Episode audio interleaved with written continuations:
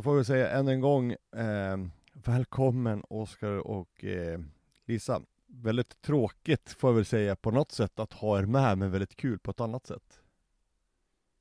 Ja, tack Ja, så tack mycket. så mycket. Eh, ni, ni har i alla fall, nu, jag kommer inte ihåg var ni sitter, men, men ni sitter i alla fall med en båt utan roder. Ja, det gör vi för, förtöjda i en boj här i Majuro i Marshallöarna. Mm. Hur, eh, ja, jag, jag såg ert Yo- Youtube-klipp, eh, jag följer ju er sen, sen en bit tillbaka, så vi, hade, vi, vi intervjuade, eller vi pratades vid för ett tag sedan gjorde vi ju, när ni var på väg. Ja, Men, men eh, jag såg ert Youtube-klipp där, där ni ändå la, har lagt ut om det som hände när ni Ja, när ni tappade rodret mitt ute och, och hur ni egentligen för min del, jag vart ju väldigt förvånad hur lugna ni var och löste uppgiften så fyra dagar. Men kan ni inte bara berätta kortfattat vad, vad, vad, vad har hänt sen sist? Ja, ja vi, var, vi, vi var på väg upp från eh, Kiribati, från en atoll som heter Butaritari, mot, eh, på väg norrut mot Majuro och eh, natten till den 10 december tror jag det var så, så tappade vi styrningen. eh, ja, det visade sig att vi, vi tappade rodret, eller rätt sagt eh, hjärtstocken gick av så att, eh, och rodret eh, försvann ner i, i djupet eller var det tog vägen någonstans då. Så det, det var det som hände. Mm. Och eh, ja, det tog oss eh, lite drygt fyra dygn, eh, fyra och ett halvt dygn eller sånt där och, och ta oss i land eh, med hjälp av ett eh, nödroder och eh, lite hjälp av 12 kustbevakningen. nödroder kanske. Ja. Ja, det för Vi att, fick även hjälp av kustbevakningen här i, här i Marshall då, så det var Mm. otroligt eh, hjälpsamt för dem att ställa upp på att eh, hjälpa oss till sista sträckan också. Mm. ja, det var en, det var en hel del rod, ro, alltså ni, ni meckar ju, håll på ju och mecka med det där nödrodret ett par gånger. Och vad var det du sa? Till Ja. 12 stycken som gick åt? Ja, det var nog uppskattning, men det är en- var nog något sånt där. Så vi provade ju med allt möjligt och eh, vi byggde ju om det flera gånger eh, med, med vår spirbom, men den, den sprack ju ganska fort så att vi fick hoppa ner den också och försöka Mm. med det vi hade. Så att det, det var en del kämpande med, med vad som fanns ombord. Mm, mm. Ja, det, är, ju- det är lite svårt eh, faktiskt att i teorin så tänker man att det är inte så svårt att bygga nödroder men i verkligheten när man inte gjort innan vad man ska riktigt använda och få till så, så tar det ganska många försök innan man får något som verkligen fungerar. Det är ganska mycket laster på, eh, på ett roder som man försöker hänga ner från nackelspegeln när man försöker ta sig genom vattnet med när man har vågor och, och vind och sådär. Så att, ehm, det tog en stund att få något som funkar men efter, jag tror på tredje dygnet var, så hade vi kunnat ta oss en skaplig sträcka med, med ett egenbyggt roder. Så det var ju bra. Mm. Oj. Eh, hur, hur märkte ni att rodret försvann då, förutom att ni tappade styr, styrförmågan? Men var ni ute på vakt eller? Alltså bara verkligen att båten bara snurrar runt eller hur? Hur Ja, det var egentligen eh, Oskar var på vakt och jag låg och sov, men så hörde jag ett litet, litet eh, det lät eh, klunk, klunk, alltså ett litet, litet eh, ljud så. Ja, ovanligt så, ljud um, typ, som du inte känner igen eller?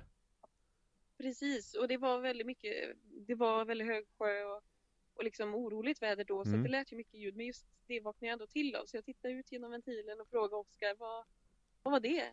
Man hörde inget där uppe för det, eh, jag låg ju mycket närmare ljudet så han Ja. hörde ingenting, men två sekunder senare så ropade ju han eh, Lisa kom upp och så och han försökte ju styra men vi gick Ja. bara i cirklar runt, runt, runt, runt, runt i, i den höga sjön. Det var väldigt obehagligt sådär. Ja. Eh, och då um, hämtade vi cyklop där så en eh, dyklampa så Oskar hängde bak på eh, akterbryggan och kollade ner Ja. och så såg att det fanns inte en tendens av roder kvar. Det var helt borta.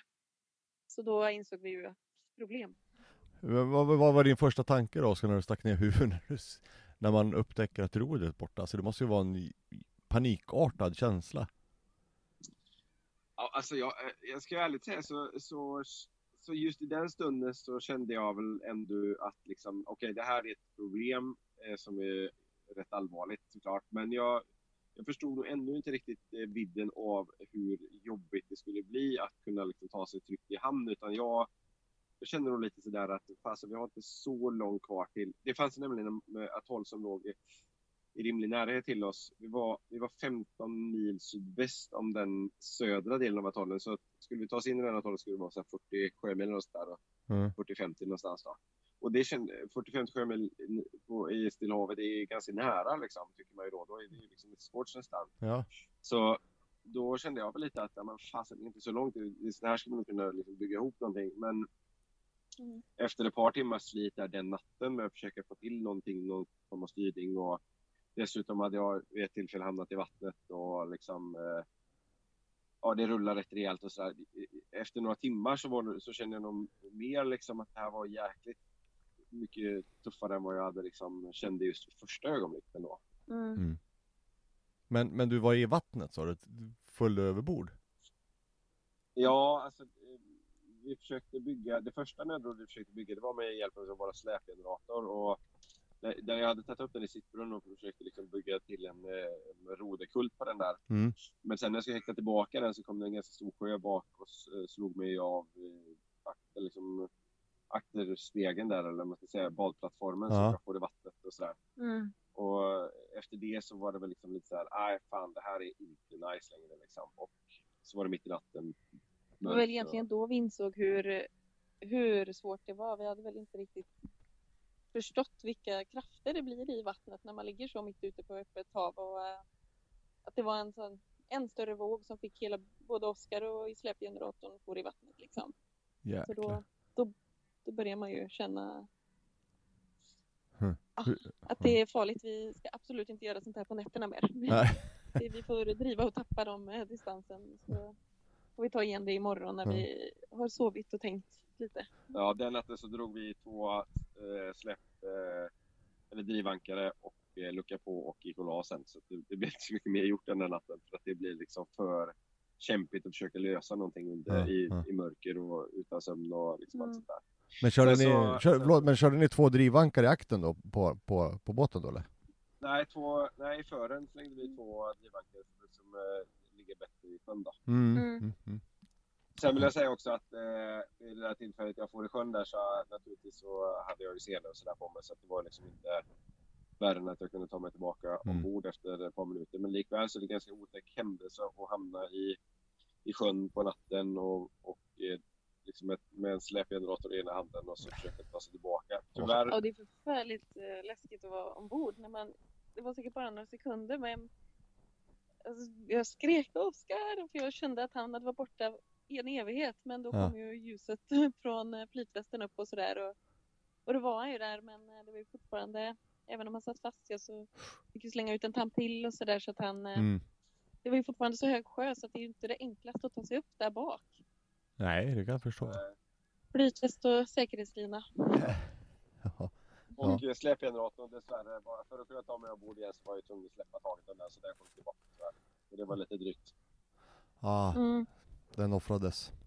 den fick offras. Den fick Ja. offras. Usch. Jaha, fy fasen. Nej men man såg ju som sagt när ni på eran Youtube-kanal, eller Youtube-knippet då, som ni har lagt upp att det det, det ser ju definitivt ut som eh, alltså väldigt bökigt då den här första natten. Det Jag kan förstå att ni var Fick ni någon sömn första natten? Det kan ju, alltså jag skulle ju nog aldrig kunna sova, men det kanske man kan. Alltså, Nej, vi sov inte bra alls någon av de där nätterna. Men, men det är klart, blunda fick man ju. Ja, Ja, vi var jäkligt slitna när vi väl kom in i, i land där efter fyra och ett halvt dygn och sådär. Men Mm. sen är det ju också, man får, det, det, även fast man har drivankar och sånt där ute så får man liksom ändå hålla koll på vart man driver och åt vilket håll. För vi hade ju ändå, med att vi hade någon form av eh, land så hade vi haft tur eller otur, eller beroende på hur man skulle se det, så hade vi drivit åt det hållet. Och det är ju jäkligt otäckt att driva mot ett, ett rev mm. utan att kunna styra båten. Så det fick man lite koll på. Eh, Mm. Nu drev vi åt andra hållet så det var bra. Men därför, däremot fanns det ju eh, det kunde komma ett annat eh, fartyg till exempel eller något sånt här så vi var ju tvungna att ha koll på vi var ju tvungna att utkik fortfarande även fast vi drev under nätterna för Mm, att se till att mm. det liksom inte någon körde på oss eller något sånt där. Mm. Ja. Mm.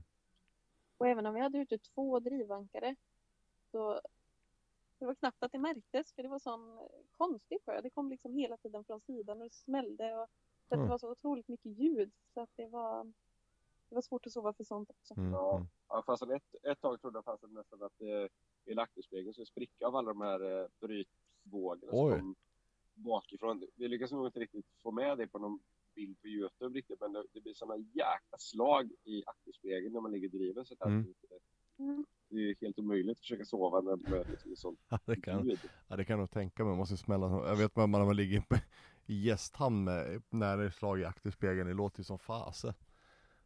Ja, visst. Och det är där vi sover. Så Ja. herregud. Fasen. Men, men det här med, med båten, för ni fick ju som sagt, ni fick ju till slut fick ju ni kontakt. Vad jag förstod. Mm. Eh, fick, via mail första kontakten eller? Eller hur, hur gick det där till när ni ba- alltså, gick ut med Det var, nödhjälp eller alltså sådär? det var nästan lite läskigt hur vi fick kontakt från början för att vi hade ju skickat ut ett pam-pam Ja, eh, och ville liksom meddela om vår position och eh, om det fanns någon i närheten liksom hjälpa eller hålla sig lite närmare oss för att kanske kunde att det hade känts tryggt liksom och så men Mm. fick ju ingen, eh, inga svar på HFN och inte på VHFN. Så det var lite så här, vi blev nästan lite irriterade liksom för att vad sjutton, nu har vi ju har vi ju så säkerhetsutrustning men vi får ingen, ingen respons. mm, mm. Eh, men sen startade vi mejlen då dagen efter och då hade ju våra ja, vänner och familj skickat oroliga liksom, vad har hänt? För då hade ju Kustbevakningen eh, på något sätt fått informationen hem till Sverige. Jaha, Folk ringde hem till våra familj och frågade ja, om våran eh, sits. Och då Mm. blev ju de jätteoroliga så att eh, det blev ju det oj. blev ju lite konstigt fast för vår del fick vi ju reda på att, eh, att nödmeddelandet har gått ut i alla fall. Så det var ju, det var ju positivt då. Ja, för vi, det, som, det som var, det var ju, vi försökte ropa först via både nödutgången och HF. Det var det ju ingen överhuvudtaget som lyssnade på det.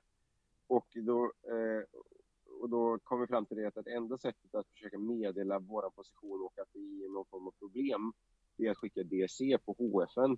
Ja, Eh, och, eh, så det var det vi gjorde då. Men, och det var egentligen ett där vi, för där kan man ju naturligtvis välja vilket problem man har och så. Och då valde vi liksom att vi är i, eh, alltså vi driver utan styrning och så skickar vi ett DC-meddelande med det till eh, på HFN. Då. Men tyvärr då så blir det där, för, för från våran sida så handlar det mer om att så här, informera att här är ett, alltså mer av ett security-meddelande. Här ligger en båt och driver så Mm. för andra fartyg håller väck liksom. Mm. Och för våran säkerhet då att inte bli påkörda. Mm. Men tyvärr då så blev det tolkat på JRCC i Honolulu som att vi var i distress. Jaha, Eh, och det kan man ju säga att vi var på något sätt, men det var ju inte liksom fara för liv. nej. Så därför så blev det tyvärr lite för, för uppförstorat. Och så som Lisa sa då så gick ju den här informationen ut till familj och vänner hemma i Sverige Mm, så mm, mm. folk blev väldigt oroliga då. Men vinsten med det hela var ju som Lisa nämnde också att vi fick ju, att vi körde då vår kontakt med JRCC på Honolulu via mail istället Ja. fortsatt då för då hade vi deras mailadress så det var ju bra. Ja, det var jättebra. Mm. De var ju en mellanlänk eh, mellan oss och eh, räddningsbåten i början tills Ja. vi fick rätt adress till eh, ja, Lomor 3, Ja, till våran eh, räddningsbåt. Mm, mm. ja. Och vårt syfte var ju egentligen inte i, det, i den situationen att liksom förvänta sig att någon ska kunna komma dit där vi var och göra någonting åt oss. Utan vi var ju fortsatt införstådda med att om vi ska ta oss härifrån så får vi göra det med eget roder för Ja. liksom, själva. Mm. Men däremot så vill vi liksom meddela att vi var, vart vi var och att vi var eh, liksom, utan styrning och att vi inte skulle då liksom, på något sätt riskera att bli påkörda eller något sånt här annat. Så man vill liksom med- meddela vart vi var. Ja, precis. Mm. Åh, fy fasen. Vilken resa.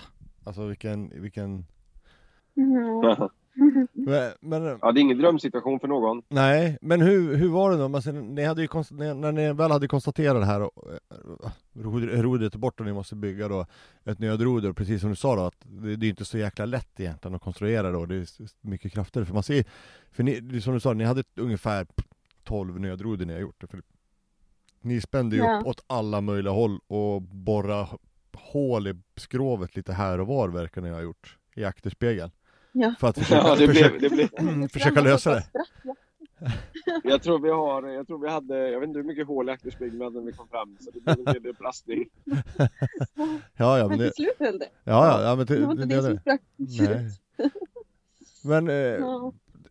uppenbart, alltså, ni har ju fått fruktansvärda skador, även lite skador vart ju under boxeringen också, så, så är det ju. Men eh, vad, Mm. vad, har ni lärt er någonting? Såklart ni har, men det här med, med roderbyggen, alltså vad, vad blir lärdomen, den största lärdomen från det här då? Är det att ha ett nödroder Eh. och fäste klart till nästa gång eller? Precis. Precis, Ja, alltså, när vi går härifrån så ska Ja. vi ändå ha en, en klar eh, lösning för att kunna montera ett stabilt nödroder som sitter fast. Mm, mm, Jag tror, ja, alltså, vi pratade lite nu när vi liksom höll på med det här, liksom, när vi väl har fått något att fungera. Egentligen borde alla långseglare ha en, som Lisa sa, liksom en färdig plan eller eh, tanke på hur man ska kunna lösa en nödstyrning ifall ett sån här sak händer. För att det är, det är, ehm, det är nog inte, det, alltså det kan hända fasen alla alltså. Och Mm. eh, har man liksom en, eh, ett färdiga, liksom ordentliga fästen eller något sånt där på akterspegel som man kan häkta i någonting i, så skulle det ju vara otroligt mycket enklare när väl en sån här situation uppstår. Mm, mm, Mm. Det kan vara en lärdom. Sen så tycker jag liksom att vi, vår lärdom är också för oss själva att vi lärde oss hur vi skulle, naturligtvis hade vi ju inte övat eller haft någon idé på hur vi skulle lösa detta innan utan det fick vi liksom komma på efterhand och jag tror att vi utvecklade oss väldigt mycket i vårt, eget, vårt samarbete och vårt sätt att liksom hitta en lösning. Det gjorde vi nog väldigt mycket, liksom en stor lärdom i det. mm, Mm. mm. Så händer det igen så blir det nog enklare att bygga nödrod nästa gång för nu vet vi ungefär vad som funkar och inte funkar. Ja. Mm. Jag, jag, jag skulle också vilja flika in en intressant perspektiv faktiskt i den här frågan vad som funkar och inte funkar. För vi har fått väldigt många kommentarer på, på både i, i Youtube och andra ställen där eh, många har en väldigt säker uppfattning om hur man kan nödstyra en båt. Och den Aha. idén bygger på liksom att man kan slänga ut en liten hink och eh, med det sättet Eller kunna drivankare. Ja, eller drivankare och att det skulle liksom lösa alla ens problem. Det kan jag säga, det var ju det första vi testade och det kan jag säga, det fungerar inte. Nej men precis, jag tror jag såg den, jag tror jag såg nå- när ni slängde ut några två hinkar, det, stod ju, det var pang så var de ju slut direkt ju. Ja, precis. Och drivankarna kunde ju inte ens alltså, hålla oss ens på kurs överhuvudtaget utan det är för strömt och för mycket vågor och det är alldeles för dåliga förhållanden för det. Men eh, sen vet vi inte, det kan, om någon kan så så klart att det är jätte, jättebra men vi hade inte en chans för dem. Eh, Ja, till, till och med det stora drivbanken som vi försökte slänga i, till och med det sprack. Ja. Så att det, det, det håller liksom inte de krafterna att försöka styra en båt det sättet. Sen så tror jag, sen det finns en del klipp på Youtube där folk har skickat liksom, så här gör man. Och så är det taget då liksom i platt vatten, 0 meter per sekund och eh, ingen ström och inga vågor och så plus att man har ett roder kvar också. Mm, mm, och så mm. liksom lite fint att ta sig land. Det kan säkert funka om man är, inte vet jag, en mil från land. Jag tror Mm. absolut att det funkar om det är plattvatten och så. Men med en tung båt och, och sådär så, Det kan väl även vara bero på kölen och om man har vinden Mm, bakifrån mm. och kan stödja något med segel. Och, men vi hade ju vinden framifrån hela tiden, Ja. skålsvindar hela tiden. Ehm, ja, Ja. Så det är ju väldigt många, det är de, de säger ju att folk har klarat det så att vi kan inte, Ja. vi kan inte men för vår del så kändes det totalt, totalt ja, omöjligt. sen, sen så tror jag också det kan finnas en väldigt stor skillnad i om man har till exempel en långkölarbåt så tror jag också att det skulle vara väldigt mycket lättare om man har liksom en Mm. välbalanserad Mm. långkölarbåt att styra på det sättet. Men ja, just för Mm. våran del i alla fall så var det enda som fungerade var att bygga någon form av nödstyrning. Mm, mm. Mm. Nej, ju, Och det funkar ju bra. Ja, men alltså jag kan ju bara Ja. säga för min egen del, man har ju alltid, man har lyssnat, man har gått på kurser eller folk har sagt ja men det gäller ju, allting gäller att förbereda sig såklart. Alltså, så, det är ju A och O innan man sticker iväg oavsett vad det är för resa. Men, men det har alltid varit så här, men man, man ska alltid ha, komma åt eh, nödrokulten om, om styrningen lossar. Men jag har inte riktigt tänkt på att man kan tappa rodret helt och hållet sådär. Och lite som ni sa det här, man kanske ska förbereda sig ett fäste och bara, någonting enkelt att bara stoppa ner och jacka i så Ja. nöd, nödstyrning. Det, jag fick i alla fall den tanken när jag såg det, jag tänkte fasen man kanske ska Det borde vara Mm. många som sticker iväg, det borde vara det första man förbereder sig, alltså ha ett nödroderfäste och fästa i bara. Men jag tror ju Mm. liksom om man skulle liksom ha, man tänker sig att man bygger ett, eh, ett eh, roder till en, eh, ja men man tar en ritning från en eh, Albinbåt eh, Express eller vad, Ja. vilken nu kan vara som har ett utanpåliggande roder. Man bygger ett sånt roder, köper sådana fästen och så lägger man det rodet under någon kojbotten eller något ställe där Mm. inte det tar plats i båten så, så har man ju väldigt bra förutsättningar den dagen det, det händer liksom. Mm, mm. Mm. Men eh, sen kan man ju inte förbereda sig för allt som händer i världen men tappa rodret är ju ganska besvärlig sak när det väl händer så det kan ju vara kanske klokt att förbereda sig för det på ett Ja. eller annat sätt. Ja, nej men så är det. Ja, vindroder skriver ju väldigt många om Ja, också. precis. Det, det kunde ju säkert ha Det kunde hjälpt oss, absolut. Mm. Mm. Det tror jag är en jättebra idé för de som har vindroder på sina båtar att kunna styra på det sättet. Ja, ja men precis. Så. Men vad, vad händer här? Ja, ja, precis. Vi ska, vi ska inte prata så länge som vi gjorde sist, men eh, nog för att det är jäkligt intressant och väldigt kul att prata med er igen, men eh, här i Sverige är det, är det fredagsmys, bara så, så alla vet om det. Jag har ena grabben, han, han sitter och kollar på film och äter chips och tycker pappa är jättetråkig som pratar båtar hela tiden. Nej men, jag tänkte på hur, vad är status nu för er? För jag menar, uppenbarligen är ju det här katastrofalt för eran budget, vilket jag antar och ni säger också.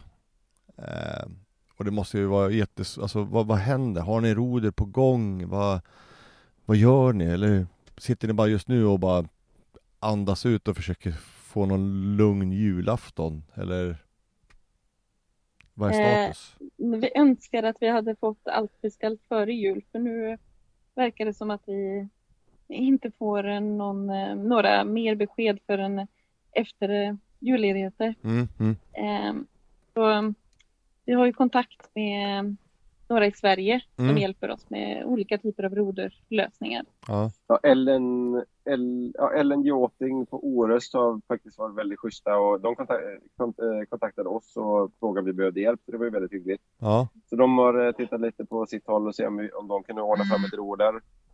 Eh, även eh, Björn, ja, en, en utav våra följare som eh, också har erbjudit sig hjälp i eh, ett, eh, dansföretag att försöka hitta en, ett sätt att få hit ett roder och sådär. Så det finns jättemånga som har hjälpt oss med praktiska frågor att faktiskt få hit ett roder. Sen eh, är det ju så att få fram ett roder i Europa är nog inte så himla besvärligt för det kan nog många bygga men att få hit det till Marshall som ligger på en av de mest remota platserna i hela världen det är nog lite svårare. Så det är väl lite det vi jobbar på.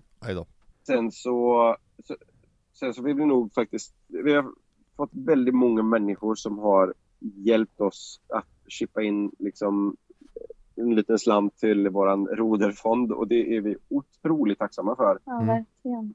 För utan det hade vi, vi, vi var ganska övertygade om att vi inte skulle kunna fortsätta vår segling men faktiskt tack vare det så är vi nu på ganska god tilltro att vi faktiskt ska kunna ha möjlighet att få fram ett roder och eh, kunna liksom montera det och kunna ta oss vidare härifrån. Så det är vi yeah, väldigt tacksamma Mm. över. Men, ja, Ja, men vad, vad är det, bra. vad, hur, hur hittar man eran roderfond om man vill stötta er? Även våra lyssnare kanske känner att ja, men de vill ju kanske stötta er i det. Vad, vad, vad vänder man sig? Var, var, vart går man? Eh, Just nu har vi ju på, på våra Youtube-film då Ja, så har vi lagt län- länkar under till, eh, till eh, Paypal och till Patreons och Mm. sen eh, så har vi skrivit vår mail med, angående Swish då. ja, Eh, så att, eh, så bra. de tre sätten har vi, har vi hittills fått jättemycket hjälp ifrån. Så, Mm. ja, det är vi otroligt tacksamma för. Och det är Mm. bara att mejla eh, Instagram, Facebook, vi finns ju lite överallt. Ja. Så, att, eh, folk har kontaktat oss på alla, alla möjliga vis. Ja men vad bra. Då säger vi också det, det också. Det är bara att söka upp Hilma Sailing på alla sociala medier. Så får de kontakta, Ja. kontakta er där. Och sen lägger vi såklart, jag kommer länka Jag lägger en länk på, till era klipp på, på vår hemsida och våra sociala medier för de också som inte råkar följa er. Så kan de ju komma in via oss Ja, också. tack så mycket. Ja. Ja, alltså, det- det är väl egentligen eh, det vi gör. Vi har ägnat eh, den här veckan, nu har vi varit en vecka i land ungefär, så det har hunnit bli en hel del plastjobb och Video, Ja. Videoskapande. vi har Mm. monterat av en hel del eh, grejer rostfritt som ska svetsas. Och, ja, det har varit en hel del, Beställa ankare har vi på gång. Och, ja, ja, lite blandat sådär. mm, Så det har varit, vi har varit busy.